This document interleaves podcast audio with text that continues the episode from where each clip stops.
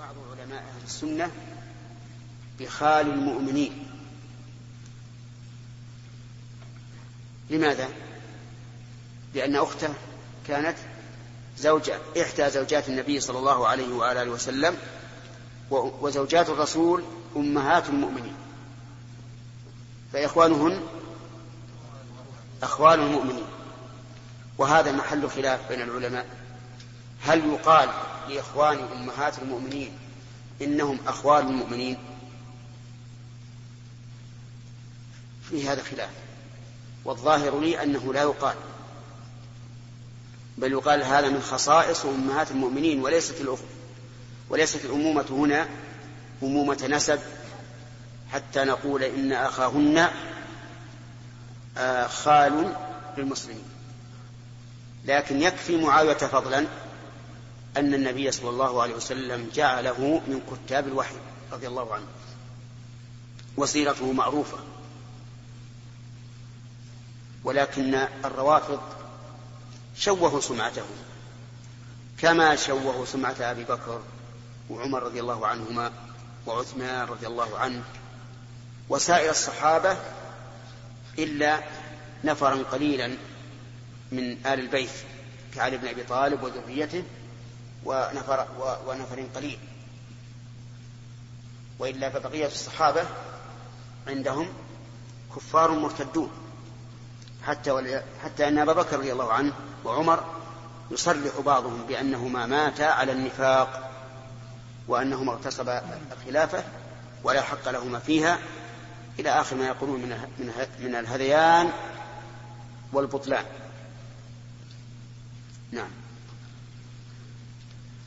أيوب شيخ بعضهم يقول يقول أن كل حديث رواية معاوية هي ضعيف الموضوع.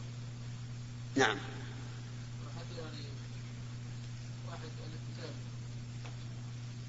يعني اسم كتاب معاوية سفيان يقول يعني كل حديث منها ضعيف الموضوع ومعاوية لم يكن من كتاب الوحي هذا يعني في في هذا المختلف فيه. إيه. إيه. يعني كذبوا بأعظم من هذا. حتى قالوا إن أبا بكر لما دعاه الرسول عليه الصلاة والسلام كان عنده في العريش في بدر ليس هذا من منقبة أبي بكر هذا من الخوف من أبي بكر. خاف أن يخذل الجيش ويفسد عليه الأمر قاتلهم الله. ولا تتعجب. من أكذب عباد الله الرافضة لا يبالون بوضع الأحاديث. ويصححون أحاديث طرقها كلها هشة أو أو فيهم من هو كذاب. نعم. نعم. نعم. نعم. أشد من هذا الشيء أصلا. هذا أشد. طيب كيف يتنفس؟ ها يطلع راسه. اي يطلع راسه صاك. الظاهر إن هذا أشد بعد. هذا لو يعدو عليه أدنى سبع وهو نائم ما استطاع التخلص. إلا كان يتدحرج عليه ما ندري. لكن حتى لو تدحرج ما يستفيد. نعم. فؤاد. سبحان الله. هذا بذلك عبد الله بن عوف. كان الإنسان لا يصلي العصر بعدما قضى عادة العصر أو ساعة أو أكثر فهل هنا معروف أنه رغب في أربع ركعات قبل العصر؟ فهل له أن يصلي هذه الأربع ركعات مثلا طالما هو لم يصلي الفرض أو لا؟ اي له ذلك إلا أن يخشى خروج وقت العصر المختار. باب من لم يكره الصلاة إلا بعد العصر والفجر. رواه عمر وابن عمر وأبو سعيد وأبو هريرة.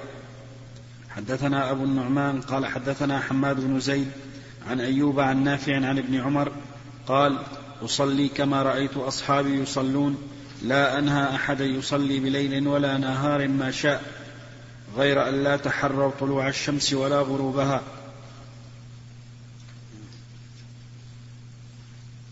هذا واسع ولا شوف الترجمة؟ قوله باب من لم يكره الصلاة إلا بعد العصر والفجر. قيل آثر البخاري الترجمة بذكر المذاهب على ذكر الحكم للبراءة من عهدة بت القول شيء من عهدة بت القول في موضع كثر فيه الاختلاف. ومحصل ما ورد من الأخبار في تعيين الأوقات التي تكره فيها الصلاة أنها خمسة. عند طلوع الشمس وعند غروبها وبعد صلاة الصبح وبعد صلاة العصر وعند الاستواء وترجع بالتحقيق إلى ثلاثة من بعد صلاة الصبح إلى أن ترتفع الشمس فيدخل فيه الصلاة عند طلوع الشمس وكذا من صلاة العصر إلى أن تغرب الشمس. ولا يعكر على ذلك أن من لم يصل واحد. ما مشي بقي واحد. عندنا الاستواء. فالأوقات إذن خمسة بالبسط وثلاثة بالاختصار. فهي ثلاثة بالاختصار من بعد صلاة الصبح إلى أن ترتفع الشمس قيد رمح وارتفاعها قيد رمح يكون بعد نحو ربع ساعة. والثاني عند الاستواء يعني إذا استوت فوق الرؤوس والاستواء بمعنى العلو يعني إذا علت على الرأس وذلك عند قيامها حتى تزول ويقدر بنحو عشر دقائق أو إلى خمس دقائق قبل الزوال. والثالث من بعد صلاة العصر إلى أن تضيف للغروب. فقيل إلى أن يبدو قرصها بالغروب وقيل إلى أن يكون بينها وبين الغروب مقدار رمح قياسا على أول النهار. قياسا على أول النهار. وهذا ظاهر حديث أبي قتادة ثلاث ساعات نهانا رسول الله صلى الله عليه وسلم أن نصلي فيهن, فيهن وأن نقبر فيهن موتانا. قال وحين تضيف الشمس للغروب حتى تغرب. حين تضيف للغروب حتى تغرب. كم هذه؟ خمسة. من صلاة الصبح إلى طلوع الشمس. ومن طلوعها إلى أن ترتفع قيد رمح وعند قيامها حتى تزول ومن صلاة العصر حتى تضيف الغروب ومن ذاك إلى أن تغرب. هذه خمسة. أما بالاختصار فتقول من صلاة الصبح إلى أن ترتفع قيد رمح وعند قيامها حتى تزول ومن صلاة العصر حتى تغرب. كمل. ولا يعكر على ذلك أن من لم يصلي الصبح مثلا حتى بزغت الشمس يكره له التنفل حينئذ لأن الكلام إنما هو جار على الغالب المعتاد. وأما هذه الصورة النادرة فليست مقصودة. وفي الجملة عدها أربعة أجود. وبقي خامس وهو الصلاة وقت, وقت استواء الشمس وكأنه لم يصح عند المؤلف على شرطه فترجم على نفيه. وفيه أربعة أحاديث حديث عقبة بن عامر وهو عند مسلم ولفظه وحين يقوم قائم الظهيرة حتى ترتفع وحديث عمرو عمرو بن عبسة. ترى الظاهر اللي قلت أبو قتادة؟ نعم. أنه عقبة بن عامر. نعم. وحديث عمرو عمرو بن عب حديث عمرو بن عبسة وهو عند مسلم أيضا ولفظه حتى يستقل الظل بالرمح فإذا أقبل الفيء فصل. وفي لفظ لأبي داود حتى يعدل الرمح, الرمح ظله. وحديث أبي هريرة وهو عند, ابن ماجه والبيهقي ولفظه حتى تستوي الشمس على رأسك كالرمح فإذا زالت فصل. وحديث الصنابحي وهو في الموطأ ولفظه ثم إذا استوت قارنها فإذا زالت فارقها. وفي آخره ونهى رسول الله صلى الله عليه وسلم عن الصلاة في تلك الساعات وهو حديث مرسل مع قوة رجاله. وفي الباب أحاديث أخر ضعيفة. وب... وبقضية وبقضية هذه الزيادة. وبقضية هذه الزيادة قال عمر بن الخطاب نعم. فنهى عن الصلاة نصف النهار. وعن ابن مسعود قال كنا ننهى كنا ننهى عن ذلك.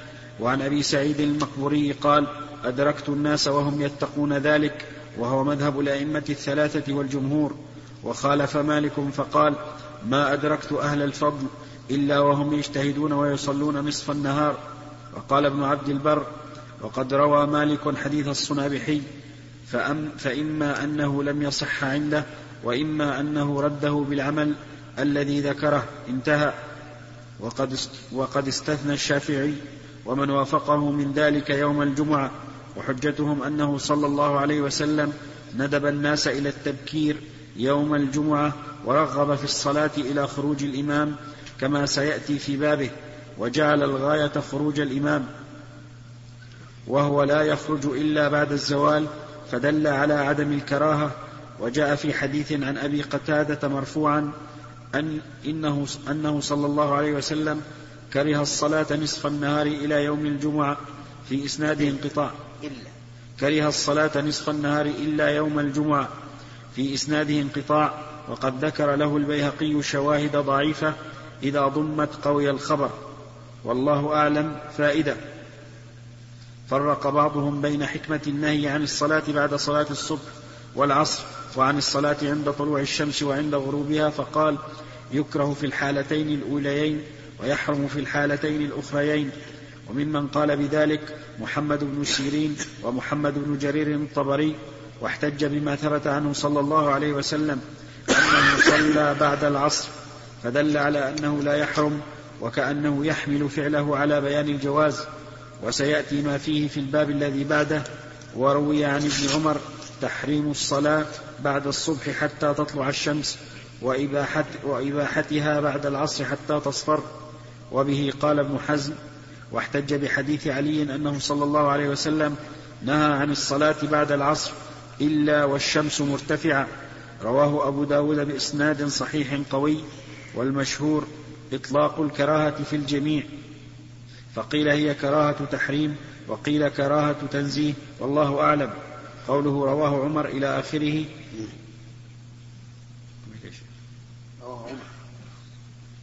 عمن يريد أن أحاديث هؤلاء الأربعة وهي التي تقدم إيرادها في البابين السابقين ليس فيها تعرض للاستواء لكن لمن قال به أن يقول إنه زيادة من حافظ ثقة فيجب قبولها. قوله حدثنا حماد أحسنت بس. ولا شك أن النهي من صلاة الفجر ومن صلاة العصر لأن الحديث ذلك واضحة لكن كلما قرب من طلوع الشمس أو غروبها صار أشد لأن من حكم النهي أن لا أن لا يتشبه المسلم بالكفار الذين يسجدون عند طلوع الشمس وعند غروبها. أما التفريق بحيث نقول إنما كان حول طلوع الشمس فهو محرم فكراهته كراهة التحريم وما قبل ذلك فهو مكروه كراهة تنزيه. فهذا يحتاج إلى دليل. لكن تفاضل المحرمات بعضها أشد هذا أمر معلوم. نعم.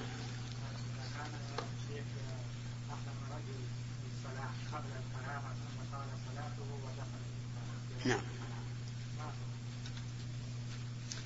حكمه أن يتم أن يتم سريعا. نعم. لأنه دخل في وقت مأذون فيه. نعم. لماذا؟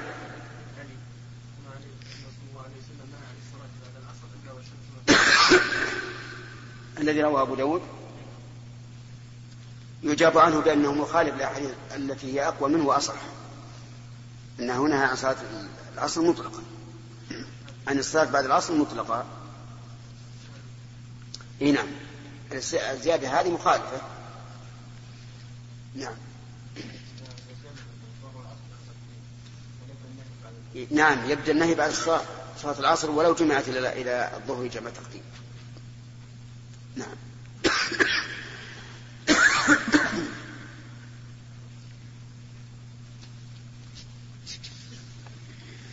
باب ما يصلى بعد العصر من الفوائد ونحوها. وقال كريب عن أم سلمة صلى النبي صلى الله عليه وسلم بعد العصر ركعتين وقال شغلني ناس من عبد القيس عن الركعتين بعد الظهر. نعم هذا ظاهره بل صريح أنه يجوز أن تقضى فوائت الرواتب في وقت النهي. ولكن هل كل راتبة؟ أو الراتبة التي تكون بعد الفريضة. ظاهر الحديث أنه الراتبة التي بعد الفريضة. لأن النبي صلى الله عليه وآله وسلم إنما قضى الركعتين اللتين بعد الصلاة حيث جاءه وفد من عبد القيس فاشتغل به. وكان النبي صلى الله عليه وعلى آله وسلم من حسن خلقه أنه حسن الاستقبال. يستقبل الناس ويرى أن هذا أفضل من من الاشتغال بطاعة يمكن قضاؤها وفي هذا الترتيب بين الأعمال بين الأعمال الصالحة وأنه يفرق بين ما يخشى فواته وما لا وما لا يخشى. وفي أيضا مراعاة مراعاة أنفس الناس وأحاسيسهم. إذ من الممكن أن يقول الرسول صلى الله عليه وسلم لهؤلاء القوم دعوني أصلي ركعتين مثلا. لكن يعلم أن هذا قد يوقع في نفوسهم شيئا. وهو صلى الله عليه وعلى آله وسلم يحب إدخال السرور على المسلمين. فهل يقضي الراتبة التي قبل الظهر بعد العصر؟ لو لو نسي يحتمل أن يقال بالقياس ويحتمل أن يقال لا قياس لأنه يعني فرق بين الصلاة التي بين التطوع اللي قبل والذي بعد. ولهذا خص الفقهاء رحمهم الله جواز قضاء الراتبة بعد العصر بما إذا كانت الراتبة البعدية. نعم. حدثنا أبو نعيم قال حدثنا عبد الواحد بن أيمن قال حدثني أبي أنه سمع عائشة قالت والذي ذهب به ما تركهما حتى لقي الله وما لقي الله تعالى حتى ثقل عن الصلاة وكان يصلي كثيرا من صلاته قاعدا تعني الركعتين بعد العصر وكان النبي صلى الله عليه وسلم يصليهما يصليهما ولا يصليهما في المسجد مخافة أن يثقل على أمته وكان يحب ما يخفف عنهم. اللهم صل وسلم. واجزه عنا خيرا. هاتان الركعتان اللتان بقي النبي صلى الله عليه وعلى آله وسلم يصليهما. هما الركعتان بعد الظهر. اللتان شغل عنهما بعبد القيس. لكنه من عادته أنه إذا عمل عملا أثبته. أثبته. فصار يصلي هاتين الركعتين حتى حتى لقي الله عز وجل.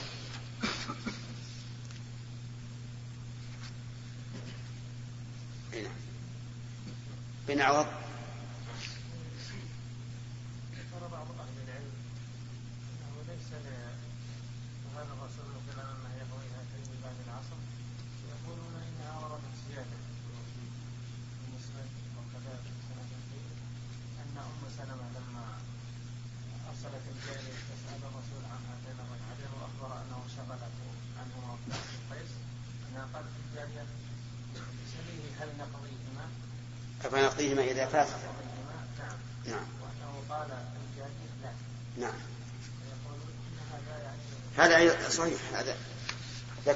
من خصائص الرسول أنه يقضي الراتبة في وقت النهي.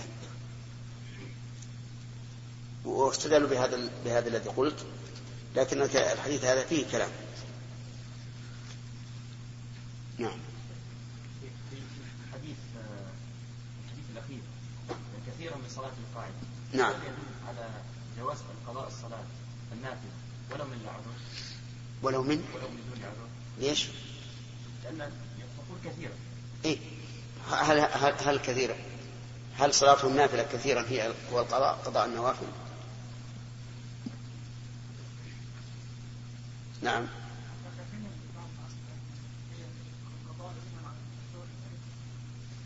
التي قضاها الرسول عليه الصلاة والسلام. أي نعم. هو ولما صلى الظهر جاء هو في عبد القيس واشتغل بهم ولم يصلي. فصلاهما بعد العصر.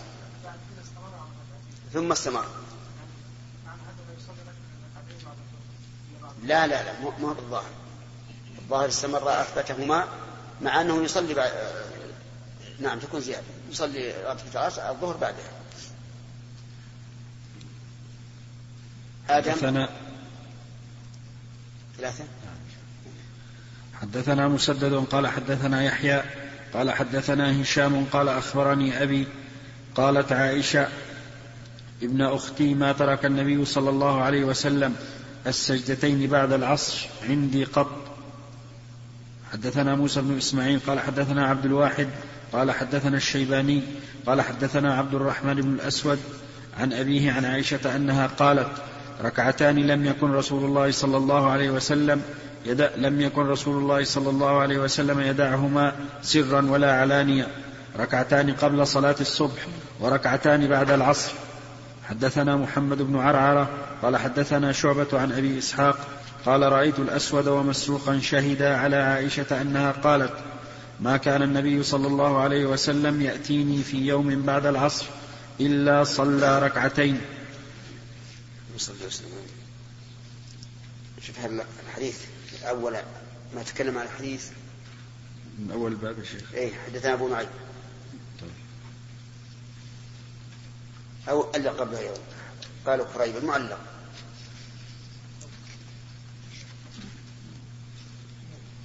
ها؟ من أول طيب. قوله باب ما يصلى بعد العصر من الفوائت ونحوها. قال الزين بن المنير ظاهر الترجمة إخراج النافلة المحضة التي لا سبب لها. وقال أيضا إن السر في قوله ونحوها ليدخل فيه رو... ليدخل فيه رواتب النوافل وغي... وغي... ليدخل فيه رواتب النوافل وغيرها. قوله وقال كريب يعني مولى ابن عباس عن أم سلمة إلى آخره وهو طرف من حديث أورده المؤلف مطولا في باب إذا كلم إذا كلم إذا كلم وهو يصلي فأشار بيده. قبيل كتاب الجنائز وقال في آخره أتاني ناس من عبد القيس فشغلوني عن الركعتين اللتين بعد الظهر فهما هاتان.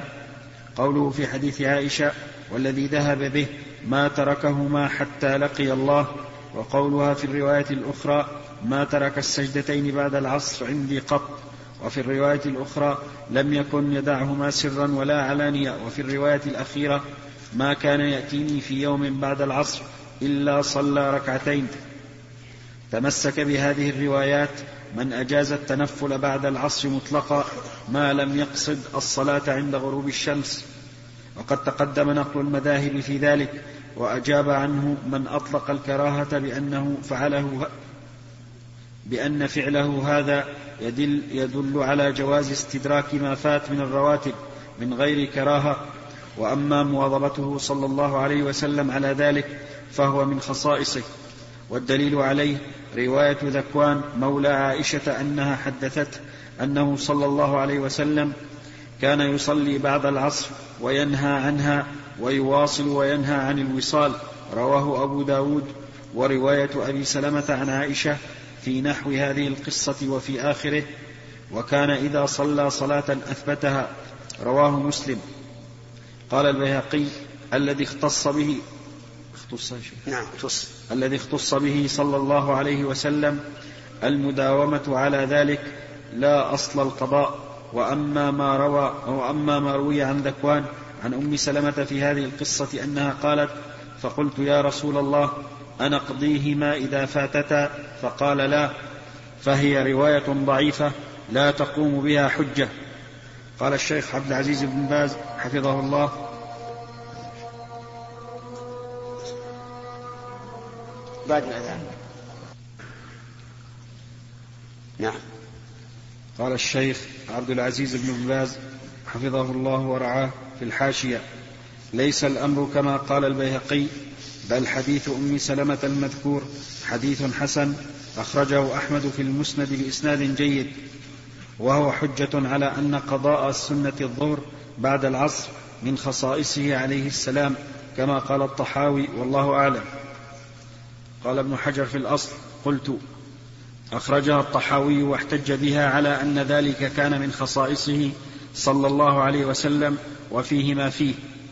فائدة روى الترمذي من طريق جرير عن عطاء بن السائب عن سعيد بن جبير عن ابن عباس أنه قال على كل حال قد يقول قائل إن قول الرسول صلى الله عليه وسلم من نام عن صلاة أو نسيها فليصليها إذا ذكرها يشمل الفريضة والنافلة.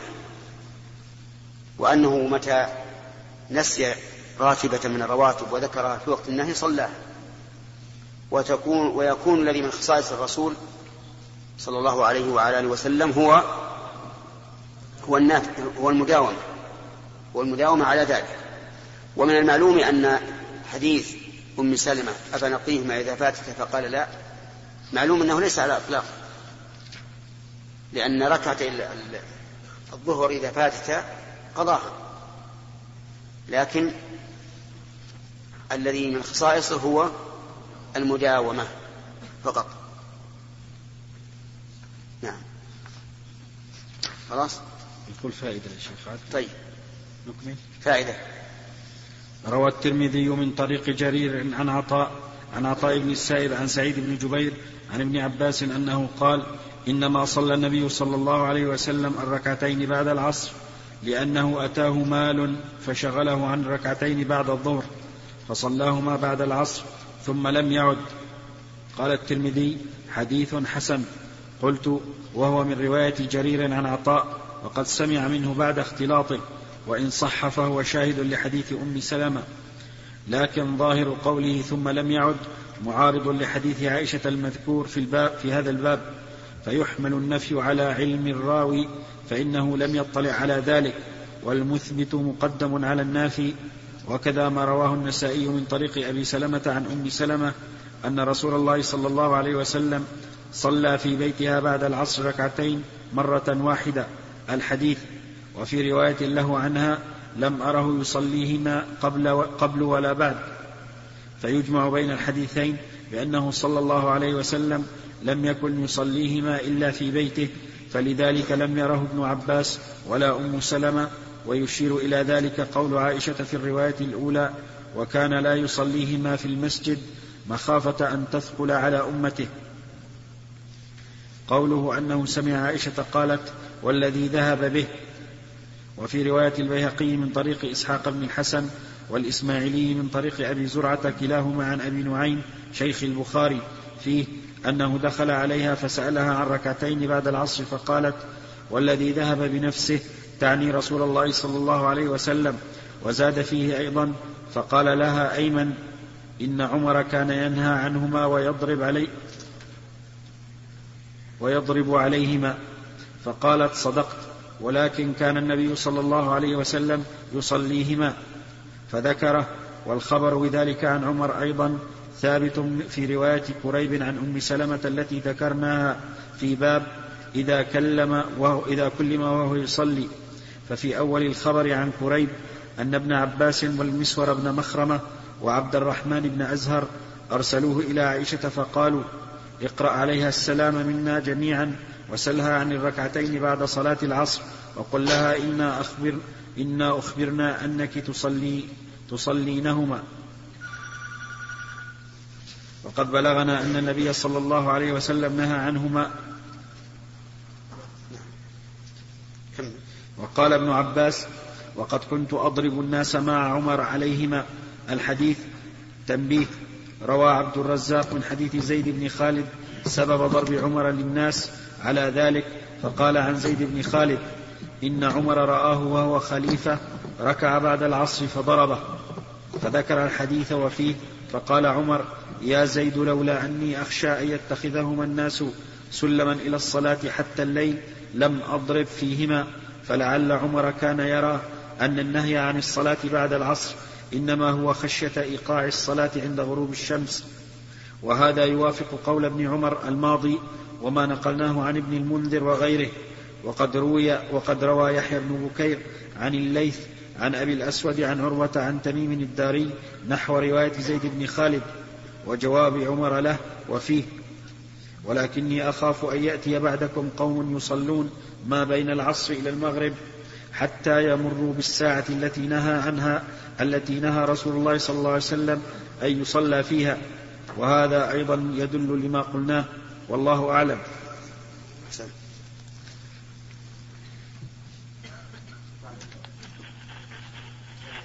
الله الرحمن الرحيم.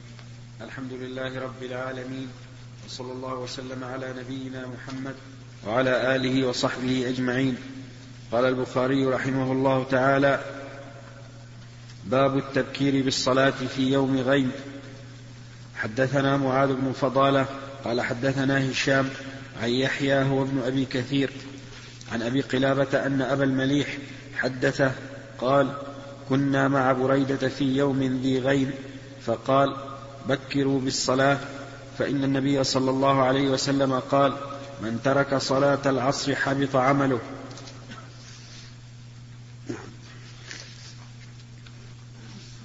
قال باب التبكير بالصلاة في يوم الغيم ولم يفصح. ما هي الصلاة؟ أحسن بارك الله فيك. صدق الله دينك وأمانتك وقوتنا عملك الله لكن المراد بذلك صلاة العصر حيث ساق الحديث. وإنما أمر بالتبكير في صلاة العصر لئلا يؤخر الإنسان حتى تصفر الشمس فيفوت الوقت الاختياري.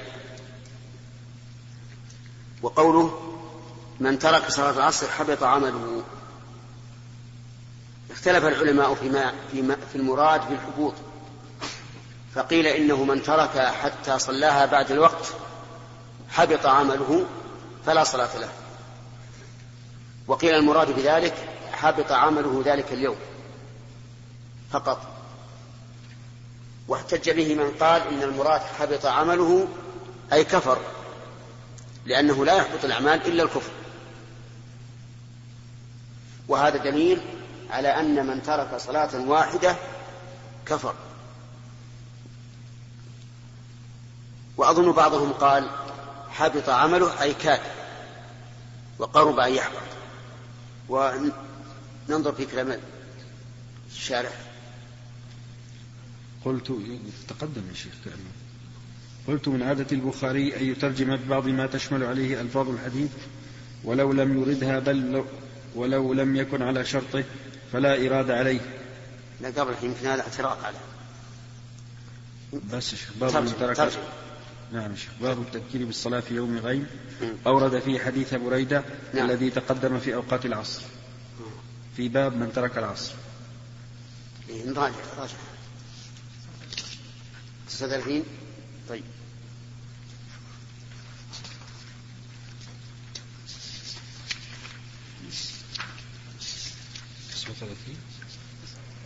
لا بصح هذه تسعة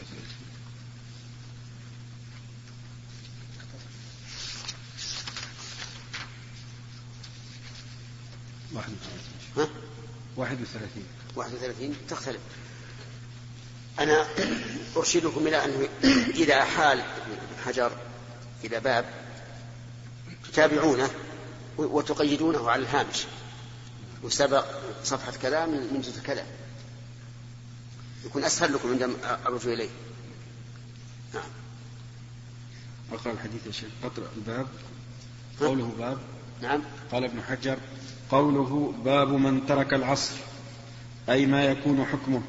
قال ابن رشيد أجاد البخاري حيث اقتصر على صدر الحديث فأبقى فيه محل للتأويل وقال غيره كان ينبغي أن يذكر حديث الباب في الباب الذي قبله ولا يحتاج. نعم.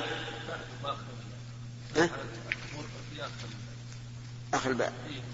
قوله فقد حبط. نعم. قوله فقد حبط.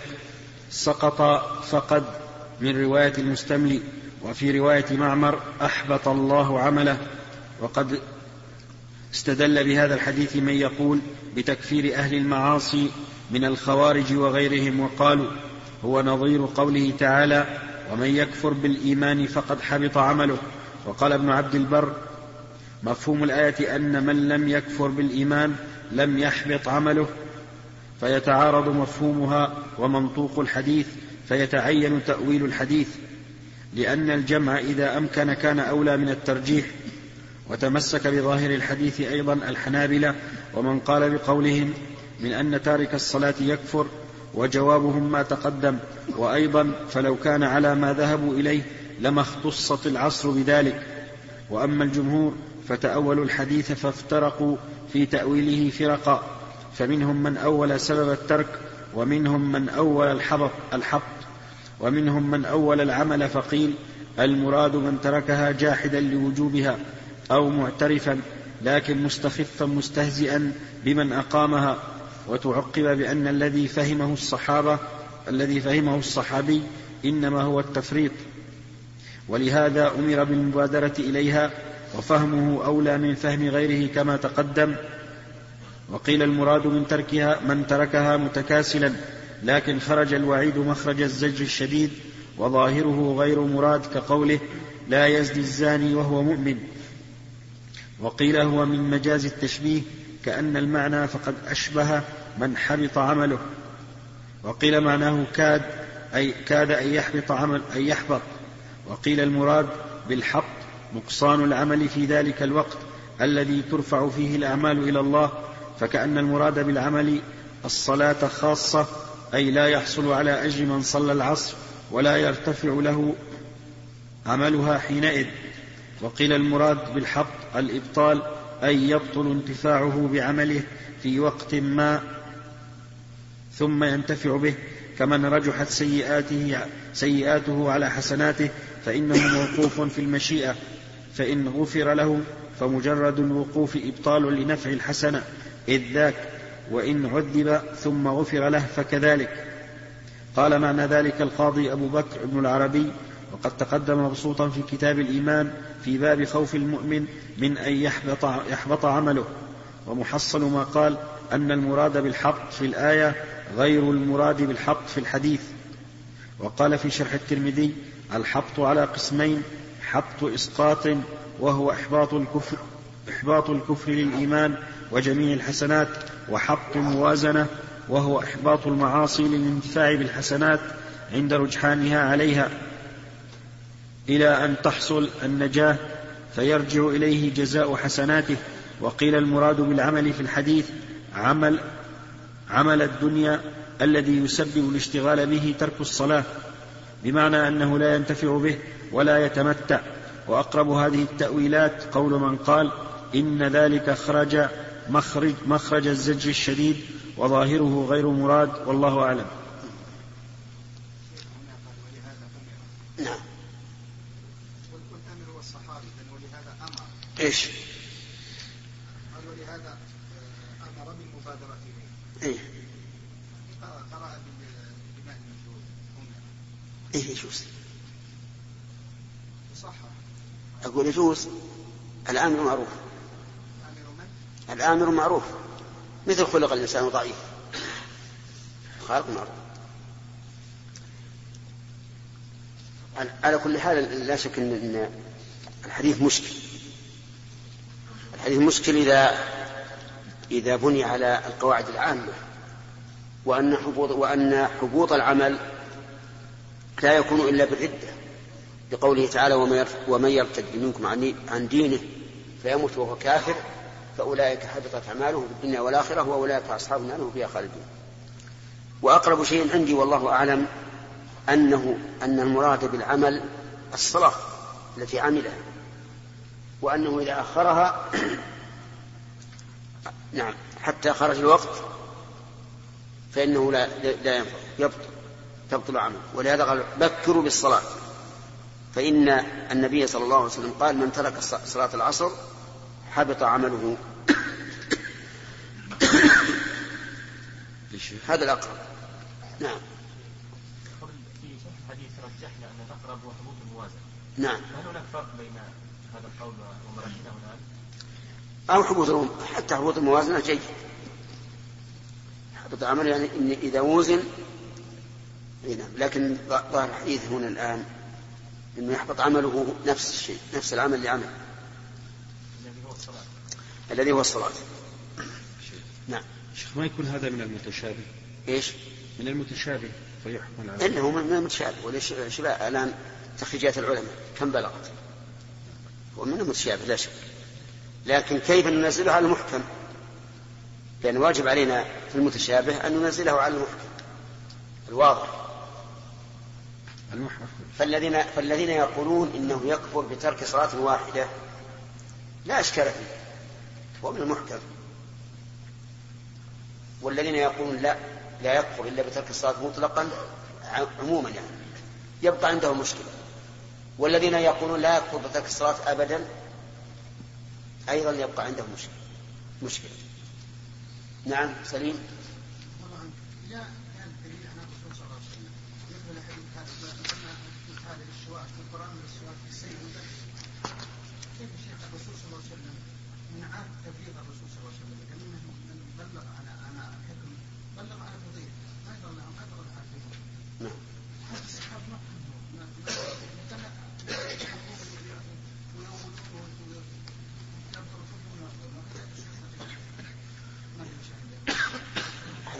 ذلك فضل الله يؤتي من يشاء لأن أحد يفهم ويستطيع أن ينزله على القواعد العامة بسهولة وهنا هذه يشكل عليه أنت وش ترى الآن؟ أنت وش ترى؟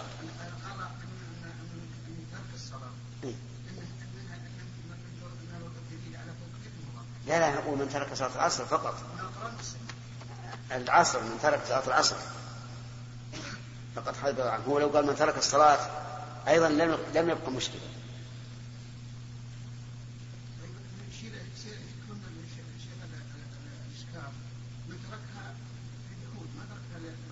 هذا من جحد لو, لو كان المراد الجحود لقال من جحد فقد كفر.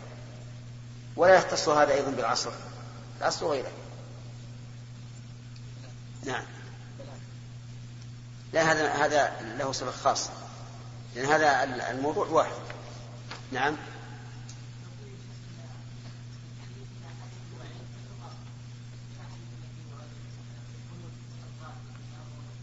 إيه. لحتى حديث حديث الوعيد وآيات الوعيد الصحيح أنها على ظاهرها لكنها مقيدة. هي من أسباب يعني إذا جاء جاء الوعيد بالنار أن هذا من أسباب الخلود في النار أو من أسباب العقوبة الفلانية لكن قد يكون هناك موانع. وهو ليس مشكلا إذا إذا حملنا العمل على نفس الصلاة وقلنا من أخرجها عن وقتها فإنها لا تنفعه. لكن المشكلة إذا جعلنا عمل مفرد مضاف فيكون شاملا لكل عمل. نعم. معناه إن, إن, إن, إن إذا وزنا عمله في ذلك اليوم وحسناته ووزن وزناها بترك صلاة العصر صار ترك صلاة العصر أكثر إثم من الحسنات التي حصلها في ذلك اليوم. فيكون كأنه حبط. لما أحاطت هذه الخطيئة بالحسنات كأنها حبطت. نعم. لا صلاة العصر خاصة. نعم. ما المانع من حمل الحديث على ظهره ويكون حبوط العمل يثبت يعني إما بالكفر أو بترك صلاة العصر؟ معناه ان من ترك صلاة العصر كفر. لا نقول إنه يحبط العمل ولا يكفر. ما يصير. لا يمكن يحبط العمل إلا بالكفر. بالكفر وأيضا بالموت على الكفر. ومن يرتد منكم عن دينه فيموت وهو كافر. شيخ ولو قلنا من ترك صلاة العصر دائما. نعم. ليس مرة واحدة. يعني من ترك صلاة العصر للجنس يعني جنس يعني جنس صلاة العصر إيه. دائما. نعم. نعم. إيش؟ إذا إذا إذا قلنا بهذا قد يكون يعني يخف الإشكال بعض الشيء. لأن من حافظ على ترك صلاة العصر كأنه أنكر وجوب إحدى الصلوات الخمس وإن كان لم ينكرها لكن محافظة عليها يدل على استهانته على كل هذا إن شاء الله فيما بعد كل واحد منكم يجيب حل وتجمع. إن شاء الله نصيب آخر واحد. ترى